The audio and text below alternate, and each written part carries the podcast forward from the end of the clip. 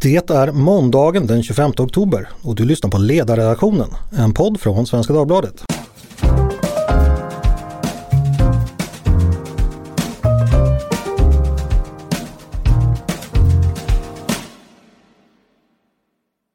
Mitt namn är Andreas Eriksson och idag ska vi prata kultur och kritik, verk och person, barnkultur och skilda kulturer i Sverige.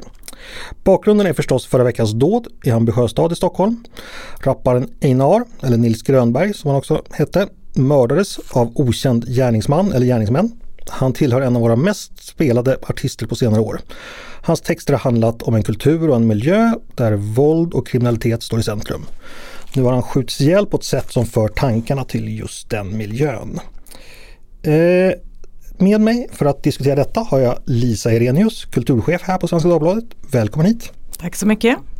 Och Karl Rudbeck, litteraturvetare, författare och mångårig kritiker. Välkommen du också! Tack för det! Jag tänkte börja med dig Lisa. Eh, du skrev i helgen i Svenska Dagbladets kulturdel en text där du tog dig an några frågor som dök upp hos dig efter Einars död. Kan du berätta vad du skrev och hur du tänkte? Ja, det är otroligt många eh, frågor som dyker upp i huvudet efter den här eh, hemska händelsen. Det jag tog fasta på var, det har ju pratats mycket om skilda världar, att man har Vissa har beskrivit det lite som en krock mellan det här välmående medelklassområdet där det hände eh, och en, då troligtvis att den här händelsen har, har, koppling till en gängkultur och dödligt våld som har vuxit fram eh, i då, mer utsatta områden. Eh, men det jag eh, utvecklade mer var att det också visar på skilda världar mellan vuxna och barn. Eh, att det här är ju eh, en artist som många vuxna faktiskt inte alls kände till överhuvudtaget men som var enormt stor eh, bland unga och barn. Som just som du säger var en av Sveriges mest strömmade artister och som blev det utan att överhuvudtaget ha uppmärksam uppmärksammats av mer etablerade medier. Utan han la ut låtar först på Youtube och sen så växte det fram och, och han hade väl, var väldigt viktig just i sociala medier. Och Eh, här märkte man ju också hur eh, vid det här mordet att det här spreds ju i de här sociala nätverken. Det var ofta unga som fick veta det eh, snabbare och även de fick ta del av mängder av information. En del kanske sann, en del falsk. Eh, också väldigt obehagliga bilder som spreds. Eh, som också påstås visa då den här mördade artisten. Och det här väcker ju också många frågor. Då. Dels vad det innebär då att barn eh, tillbringar väldigt mycket tid på de här sociala nätverken som TikTok, eh, Snapchat, eh, Instagram med mera. Eh, så att de har lite som en annan, eh, ja, men de får en annan verklighetsbild helt enkelt.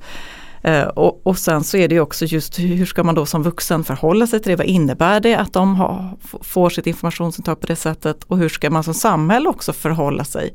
Ska man försöka reglera till exempel, sätta eh, stopp för spridningen av bilder till exempel på döda personer. Det är någonting som diskuteras nu. Mm ja, eh, Eh, jag kanske sätter punkter för att inte prata allt för länge. Men, men, men eh, ja, vad, vad, tänker du själv om de här, om de här frågorna? För det, det, det är såklart det, det är goda frågor. Hur ska man som förälder agera eller som samhälle som agerar? Vart, vart, vart landar dina tankar inför, inför de här frågorna du ställer? Ja, nej, men det finns ju mycket guider till föräldrar och vi, vi hade ju också en intervju här i Svenska Dagbladet eh, med eh, en expert, eh, en psykolog just som gav lite råd att man ska, det är ingen idé att hjälpa till att och försöka skydda barnen från de här hemska bilderna för de finns där ute, de kommer få ta del av dem om de vill. Bättre då att bearbeta dem tillsammans. Man kan ju också prata med barnen om hur man kan förhålla sig till rykten, falsk information och så vidare. Men sen är det frågan då hur, hur är det här en fråga mellan föräldrar och barn eller ska just samhället gå in och försöka reglera? Här pågår ju en större diskussion om de här eh, stora eh, teknikbolagen, Facebook eh, och så och deras enorma makt.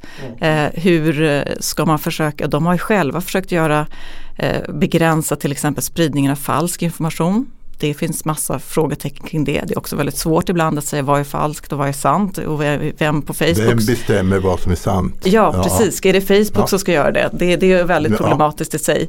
Eh, men vissa saker kanske är mindre då eh, problematiska och det, det tog det juridikprofessor Mårten Schultz har skrivit om det precis att man kanske, kanske att det är läge just när det gäller spridning av bilder på döda personer. Att det kanske man ändå ska överväga att göra det olagligt. Det är visserligen en liten inskränkning av yttrandefriheten men kanske ändå att intresset för att skydda de avlidna och deras anhöriga kan väga starkare.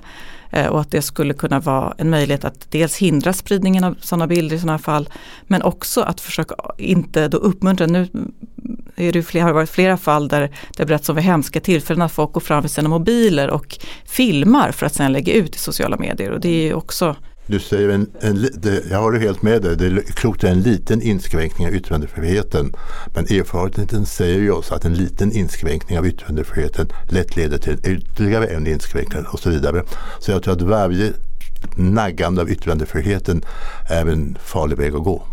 Det kan vara så, det är inte lätt att avgöra men det är i alla fall viktigt att de här frågorna diskuteras nu tror jag. Mm. Jo men det är absolut, det, det är en intressant spår. Jag kan tänka mig att exempelvis eh, skildrandet av, av folkmord och den typen av journalistik eller, eh, kan bli lidande om man förbjuder att visa bilder på döda personer. Eh, så det, det, är väl inte helt lätt vad man, vad man ska dra gränsen. Jag tror att det var tanken att det ska vara i nutid, att det inte ska gälla historiskt. Men absolut, självklart blir det... Och var drar man gränsen historiskt? Nej men självklart ja, blir det svåra ja, gränsdragningar, ja. det är inte något snack om det. Eh, Karl, du, du verkar het att komma in i diskussionen. Vad har dina tankar varit kring eh, efter att vi har fått reda på den här tragiska nyheten förra veckan? Ja, ser vi det. jag känner inte till mycket om hiphopkulturen men jag vet ju att den är våldsbejakande. Tunga guldkedjor och pistoler hör närmast till ämbetsdräkten. Så att, eh, sen är det också en lockelse. De har ju så att säga en våldskultur om jag förstått. Ett språk som inte är accepterat på någon annanstans. Amerikanska hiphopartister använder hela tiden ord som jag inte får använda i den här podden. Det skulle du för sig få men jag är glad att du avstår. Jag är glad mest att avstå. Jag skulle få yrkesförbud kanske om jag använde dem. Så att därför är det också, våldet är helt en lockelse i den här världen. Jag tänkte lite grann det som att titta på Formel 1-racing. Ingen vill att en olycka ska hända. Men just det faktum att risken finns att en olycka ska hända gör det lockande för publiken. Samma sak med hiphopkulturen. Att just det här våldet som hela tiden ligger latent gör att många lockas till den. Och det är ju sådär en gettokultur. Den kommer ur gettot och hör hemma i gettot i USA. Och där är våldet hela tiden närvarande. Mm. Det intressanta är att i Sverige så har vi ju jag, jag, tror det skulle vara fel att beskriva, vi har, vi har stora problem i Sverige men de här gettorna med de sociala problem som man har haft i USA i alla fall tidigare, riktigt där har vi ju inte varit i Sverige. Nej, men vi är på god väg. Ja, vi jo, är på god väg. Ja. Jo, jo, det är möjligt. Men, men det låter ju så fall ganska oroväckande att barn helt enkelt lockas, att det, det som lockar i kulturen det är hoppet om att få se blod så att säga. Ja, men du, du säger barn, jag är inte säker på att Lisa vet det här mycket bättre än vad jag vet. Men det är verkligen barn som lyssnar på det. Är det inte tonåringar, folk i över tonåren 20, 20 till 30 år som lyssnar på det och som konsumerar den mer än barn? Det är en fråga till dig Lisa. Jag vet inte exakt hur det ser ut heller. Jag tror, mitt intryck är att det är mycket barn också. Att det är en väldigt ung publik. Eh, men självklart mycket tonåringar. Men det är klart, våldet har alltid haft en lockelse. Allt när romerska gladiatorspel så har våldet eh, och det publika våldet haft en lockelse på, på publiken. Att vi nu försöker mästra det och göra det mer eller mindre, mindre våldsamt. Det är en bra utveckling. En fråga till dig Lisa, eh, du som då befinner dig i kulturvärlden det, det, har ju gått ganska snabbt att gangsterrap har blivit eh, väldigt populärt i Sverige. Eller det har funnits länge men det är väl från 2018-2019 någonstans som det fullkomligt exploderat på topplistor och sådär. Ni som jobbar med kritik eh, och kulturkritik generellt, eh, hur, hur har ni så att säga har det varit någon diskussion om det här bland er, hur man ska tänka kring det eller hur mycket har ni tagit reda på det, hur mycket har ni skrivit om det? Eh, jag vet själv inte så mycket alls om den här kulturen. Hur, hur, hur har ni tagit er an den så att säga? Jag förstår att det är en bred fråga men om du kan förklara mm. ungefär.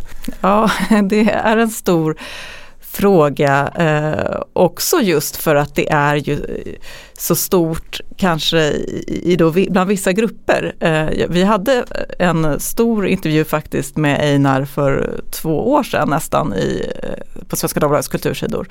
Eh, och då var det ju många även på redaktionen som var, ställde sig väldigt frågande. Va, vem är det som vi ska göra en stor intervju med? Redan, även då var det ju så att han var väldigt okänd bland väldigt många, både på redaktionen men bland våra läsare. Mm. Och samtidigt så var han väldigt stor och mm, bland yngre målgrupper och då en av de mest strömmade artisterna, eller faktiskt den mest eh, strömmade var han ju år 2019. Mm. Eh, men vi hade då en längre intervju med honom som var just att försöka förstå det här eh, företeelsen. Vem var han? Hur tänkte han? Hur såg han själv på just kopplingen mellan musiken och verkligheten? På just det här romantiseringen av våldet. Var det ett problem?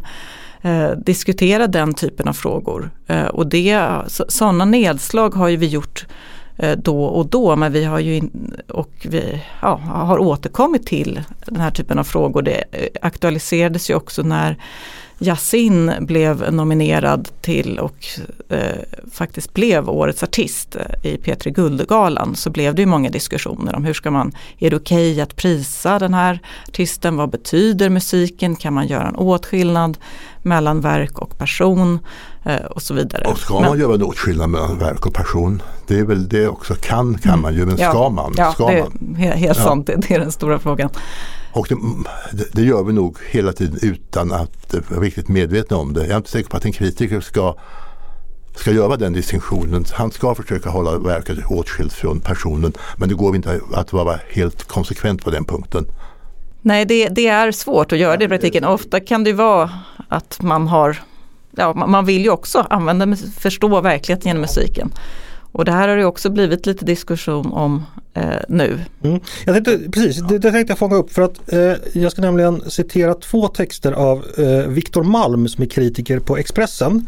Så här skrev han i våras eh, och jag tyckte själv det var jättebra skrivet. Jag delade det på sociala medier och sa att det här är verkligen sant och citerar honom. Eh, vill man dela ut pris på konstnärliga premisser kan de konstnärliga premisserna inte bytas ut mot juridiska. Och när man bedömer musik kan man förstås inte börja döma eller ta mått på upphovspersonens privatliv. Det är helt, två helt olika saker. Ursäkta självklarheterna men rätten att uttrycka sig konstnärligt är absolut och åt kvalitet kan man inget göra. Det var då Victor Malm den äldre. Eh, den Victor Malm den yngre som skrev i helgen så menade han att jag och andra har fastnat i ett trivialt försvar av den här musiken, tränade som kritiker är i att hålla hårt på den estetiska princip som säger att distinkta sfärer ska förbli separata. Domen över en upphovsperson kan aldrig bli ett omdöme mot konstnärligt verk. Den linjen är inte fel, men att stanna där duger inte. Så det verkar som han har tänkt till där. Lisa, förstår du den intellektuella resa han har gjort här? Ja, alltså jag tror att det, det är ju, som du var inne på Karl, det är svårt. När ska man, det, det, är en bra grundprincip men när och hur ska man tillämpa den? Eh, när är det rimligt och när är det inte? Jag skrev faktiskt själv då och, eh, och refererade till Viktor Malm och hans text, den här första eh, äldre texten, eh, en, om hur jag tycker att man på kultursidorna ibland har varit inkonsekventa i när man tillämpar den här principen och inte. Eh, och jämförde med debatten om Handke, Nobelpriset i litteratur till Peter Handke, för då var det eh, väldigt mycket mer kritiska tongångar på kultursidorna. Eh, och då upplevde jag som att Victor Malm i den debatten in, faktiskt inte tyckte att det var så lätt att separera estetik från politik. Så att det är det, det finns eh, alltid frågor, det, hade också, det, det är olika tyngd på de priserna. Man kan också se som jag tyckte med eh, frågan om, om de här Peter Guldpriset, mycket mer problematiskt att ge honom priset som årets artist som jag upplever som att, att man upphöjer hela personen mm. än att ge då priset till årets album eller årets låt eh, som är liksom i, i min värld mycket mer inriktat på musiken. Eh, jag tror ju fortfarande att man, man kan, kulturjournalistiken måste ju, kan inte bara försvara de här eh, principerna in absurdum. Man måste ju försöka förstå vad säger det här om samhället. Man måste se de här problematiska inslagen oavsett vilken konst det gäller och vilka frågor det är och diskutera dem. Eh, men man kan heller inte, får inte bli för moralistiskt att man är, till exempel att man bara kan ge priser till personer som är helt moraliskt oklanderliga. Då skulle det bli väldigt få priser som delades ut. Ja. Men, men Carl, vad säger du? Håller du med Victor Malm, den äldre eller den yngre? Ja, den yngre, den äldre bara slutar ju med ett frågetecken. Så det räcker inte där, vi måste gå vidare. Men man talar inte om vad det skulle innebära. Mm. Så, men det här med det här handkrig är ett intressant exempel. Att där var folk väldigt upprörda, många, att han fick priset. Men det verkar som så att har man förlöpt sig åt höger så är det värre än man förlöpte åt vänster. Ja, det var knappast någon som protesterade när Garcia Marquez fick, eh, fick Nobelpriset i eh, litteratur. Och han var ju, hade hyllat eh, Castro och många andra. Och Stalin till och med. Så att, eh, där finns det en, en, skillnad. Men jag tycker väl ändå att man kan göra den här åtskillnaden. Att det var Ezra Pound, den amerikanska poeten, det var någon som sa att den mannen förtjänar att hängas för sin politik men ett nobelpris för sin poesi. Och det låter lite extremt, det är extremt, men ändå så ligger det någonting i det. Vi, vi måste kunna göra en skillnad mellan verket och mannen. För att eh, ofta är verket så mycket bättre än mannen eller kvinnan. Lisa, om jag säger så här då att eh, de här principerna som både du och Karl eh, och den äldre Viktor Malm då eh, hyllade kan det vara så att tiden har gått, sprungit förbi dem lite? Att det är nu så att, alltså den tänkta idén är ju att vi har en, en kriminell på gatan som begår hemska brott men sen börjar rappa om det och sen konstnärligt berättar så att säga om sitt liv utifrån liksom de sociala förutsättningar som gavs honom eller henne. Men nu är det väl snarare så tycker jag verkar som att, det bör, att kulturen i sig kommer först, verket kommer först och när man väl är gangsterrappare så kommer en kriminell livsstil och att det ska vara, finnas vapen inblandade och hot. Det kommer efteråt så att säga. Så på något postmodernt sätt så byts det plats i kronologin här, någon sorts uppbruten kronologi. Eh, har jag en poäng där eller tänker jag bara konstigt? Eh, jag tror du har en poäng där och jag ska återkomma till det. Först vill jag bara ändå invända mot det du eh, sa Karl, där, att man inte reagerade så starkt på det här priset till Yasin. Alltså det kanske var så just i kultursidesdiskussionen. Men i samhället i stort upplevde jag att det blev extremt starka reaktioner på det och det var många personer med makt, politiker och andra som reagerade väldigt starkt. Det är väl ganska bra i och för sig för att alla är inte kritiker. De behöver inte sitta och fundera över detta. Jag tycker att den här mannen eller kvinnan är ett kväk och därför vill jag inte ha någonting med henne eller honom att göra. Och det är en fullt legitim inställning om man inte är professionell kritiker. Ja, det, det, kan man säga. Och, och, och där, men där blir det ju också svårt, för jag, menar, jag tror att eh, som, det, det, har ju just, man, man måste ju se se det här också för vad det är och just bredda blicken och att det med, inom just den här genren så är det verkligen, det flyter ihop eh, verk och, och, musik och att det eh, eller vad säger jag, verk och verklighet menar jag. Och eh, att det gör det svårt att, att, att tillämpa den här principen om man vill just tolka musiken, man vill förstå den och om man vill förstå hela kulturyttringen och hur den drivs framåt. Att det verkligen kan vara så som ju andra varit ute och sagt här att när du väl du måste, du blir nästan, det är inte så att framgången är ett väg ut ur kriminaliteten utan tvärtom så är din framgång också beroende av att du är kvar där. Att du bevarar din trovärdighet också som kriminell och din respekt och att du fortsätter visa upp den här livsstilen som förväntas och Eh, och det är ju ett väldigt eh, problem. Vi talar om kultur som det var någon homogen massa men det är det ju inte. Jag menar viss kultur och hiphop eller rapparkulturen är ju extrem på det sättet att den är så tydligt grundad i en miljö, i en tid så, och det gäller inte för all annan kultur. Så att det här är det mycket svårare tror jag att skilja person och, och verk än till exempel när det gäller centrallyrik. Okej, okay, men så, så båda är överens om att, så att säga, just gangsterrappen utgör en utmaning till den här normala principen att eh, verk och person så självklart kan skiljas åt. Har jag förstått det rätt då? Men vill, eh, en fråga till er. Vill, vad säger utövarna själva? Jag tror inte de har någon finkulturell inställning och jag tror inte de funderar över dessa frågor en gång. Eller gör de det? Jo, och det gjorde, tycker jag var intressant. Ja, att det ja. gjorde ju Einar ja. i den här intervjun som vi publicerade med honom. Han trodde ju inte att eh, det här texterna och så att det är någonting som uppmanar till kriminalitet eller får folk att liksom själva vilja bli kriminella och så. Eh, samtidigt, om jag minns rätt nu, eh, exakt var ett tag sedan vi hade den där, även om jag tittade lite på den igen nyligen, eh, så, eh, så, så, kunde han också se den här kopplingen att det fanns problem Ja, men mina kunskaper om gangsterrap är väldigt begränsade. Åh, oh, det skulle jag inte säga Carl. jag har ändå svårt att se att, att, att, att, så att säga, konsten springer eller har sitt springer ur en, så en välartikulerad estetik från de här artisternas sida. Utan jag tror det, är en, det här har en känsla av att det är en mycket spontana uttryck. Att de funderar inte riktigt över de estetiska problem som deras verk ställer. Eller, eh, det är möjligt att det är en översittsattityd gentemot dem. Men jag har inte sett någonting som en teori om detta. Men, men en sak, det, det, det, som Lisa säger lite, det, det, är en tanke som ibland dyker upp att man är vad man äter när det gäller kultur. Att om man lyssnar på, på destruktiv musik så blir man sån själv. Det är väl en tanke vi ändå har övergivit. Absolut. Eh, för att eh, det är väl egentligen en ganska absurd tanke tänker jag. Liksom. Ja. Eh, men, men den dyker ändå upp ibland. Så att säga. Men, men, men så, lik, lik, likväl finns det något problematiskt här för att man skulle ju kunna säga om man är väldigt cynisk, om det är som du säger Lisa, att eh, en del av ens popularitet beror på att man kan upprätthålla ett trovärdigt våldkapital. Då kan man ju alltså skjuta sig fram till nästa P3 Guldutmärkelse egentligen. Eh, cyniskt uttryckt men så blir det ju. Nej, eller man, man, måste väl också göra något som faktiskt är bra. Ja, men, jo, okej, jo, precis. Men om man må, samtidigt men, måste upprätthålla... Om man, att man gör det parallellt ja, menar du? Precis, ja. Ja, ja, jag förstår.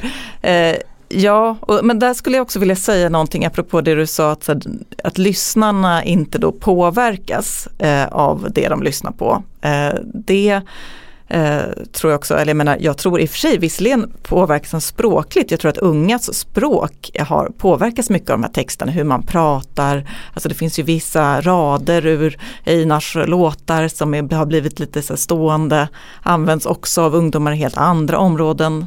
Vilket också i sin tur har blivit diskussioner kring så här, hur, hur, har de rätt att prata som ungdomar i orten. Men förlåt, det ska också. Och sen är det ändå, men eh, så det påverkas på det sättet. Jag tror inte att det blir så att de blir kriminella. Men, men det som är en stor fråga är att de också påverkar den här kulturen alltså genom att lyssna. Det vill säga att när de lyssnar så blir det fler strömningar och mer pengar. Och då göder ju publiken en eh, kultur som är kopplad till kriminalitet. Men det är klart att man påverkas av den konst, litteratur, musik man lyssnar på eller läser. Den stora amerikanska filosofen Woody Allen uttryckte det väldigt bra. Han sa Hitler lyssnade till Wagner och sen beslutade sig för att erövra Polen. Mm. Så att nog påverkas man av den kultur man tar till sig. Absolut, och det ska man, man, på, göra. Ja, ja. Man, man påverkas ja, men inte i den bemärkelse som vi var inne på tidigare. Att bara för att man hör någon som rappar och någon som skjuter någon så börjar man inte själv skjuta. Nej, det är många som har lyssnat på Wagner utan att ha erövrat Polen, ja. invaderat Polen kan man ju säga. Eh, däribland undertecknad, en i alla fall. Eh, det är ju trots allt en eh, politikpodd det här så jag tänkte lyfta en politisk fråga. Jag tror att det är så här att det finns en eh, liten ilska bland personer som står till höger i Sverige mot hur kulturvärlden har betraktat gangsterrappen. Att man har något så att säga liksom överseende med den som man inte skulle haft i andra sammanhang. Eh, Hanif Bali uttryckt, har uttryckt på Twitter att man hade, vi hade inte prisat vit maktmusiker fast det är en, också en destruktiv kultur. Ja, naturligtvis vit makt är liksom, det, det är nazism, det är destruktivt. Men att vi skulle egentligen behandla gangsterrappen som den destruktiva kulturen är. Eh, och det tror, jag liksom, det tror jag väcker någon anklang hos ganska många som står till höger. Eh, vad tror ni om den tanken? Eh, Karl, eh, du har ju umgåtts i högerkretsar. Och Högerkretsar är väl inte så farligt. Men, nej, men, men, men, nej, finns det, det poäng där tror du? Det, det finns absolut en poäng. Han har en poäng där. Att eh, förlöpelse åt vänster är, eller ses med blidare ögon än förlöpelse ja, Nu är det inte förlöpelse åt just vänster och skjuta folk men det ja, finns ju ofta en ja, översikt. Men, men, men gangsterrappen är väl lite vagt till vänster åtminstone. Ja, ja. Nej, det, eller, eller är den det? Är den det? Ja, det, det, det, tror jag inte. Nej, det, det tror jag också för mycket sagt. Men, men det, det finns ju en tradition av att det här är ändå berättelser från, från gatan, från, från gatan, som ja, folk som inte är privilegierade. Populär, det är populärt i bästa minne. Ja, så, så, den dimensionen finns, tänker du också eller? Ja, men det, är klart att men, du menar, jag, jag, måste säga att det är nytt för mig att, så att säga, högern eller konservativa skulle vara upprörda över gangsterrappen. Jag tror inte de känner till det. Den lever i ett parallellt universum som inte... Nej, jag pratar ju om Hanif Bali och hans följare. Det är kanske är en speciell grupp. Men, nej, men jag märkte det, för den diskussionen dök i alla fall upp på, på, på sociala medier i, i våras när det gällde Men det, han ställer en väldigt intressant fråga. Skulle det komma någon vit maktmusik som var verkligt bra? Vad, hur ställer vi oss till den då? Mm. Det är svårt att tänka sig riktigt bra vitmaktmusik å andra sidan, men visst absolut. Det, det, det är väl inte otänkbart, det är det väl inte, men eh, ja, kanske du kan det bättre än vad jag. Vitmaktmusik eller gangsterrap? Ja, ja, ja. jag är faktiskt inte expert på någon. Men bolla över till dig Lisa, vad tänker du om det som jag och Karl ser här att det ändå finns liksom en en irritation från högerhåll tror jag på att kulturvärlden så att säga så, så lätt har accepterat vad man uppfattar som en destruktiv kultur och att det är lite orättvist och hycklande här. Vad tänker du om det? Ja, alltså det, det kan ju ligga någonting i det. Det var ju också det jag var inne på där när jag skrev om hand, jämförde handkedebatten och Yasin-debatten att man var lite mer ja, man tillämpar de här principerna om att skilja på verk och person på lite olika sätt. Eh, och där var ju Aftonbladets ledarsida var ju nästan som en parodi där för att de eh, försvarade ju verkligen Yasin eh, och eh, menade att liksom han, hans värde, man måste lyssna på honom, hans berättelse är värd att höras. Eh, medan de eh, bara någon månad tidigare var jätteupprörda över att bandet Mustasch skulle vara med i Melodifestivalen för att de hade en så grisig kvinnosyn eh, och sexuella trakasserier kan man inte ursäkta på det sättet. Eh, det var ju ett typexempel på hur man resonerar väldigt olika i olika fall. Och och, då, och där var det just då för att det var, kom, har man bakgrund i det utsatta området då är det, är det okej okay, mycket mer eh, då. Men att eh, samtidigt, ja alltså jag menar det är inte Hanif Bali har ju själv väldigt många följare och är en väldigt stark opinionsbildare.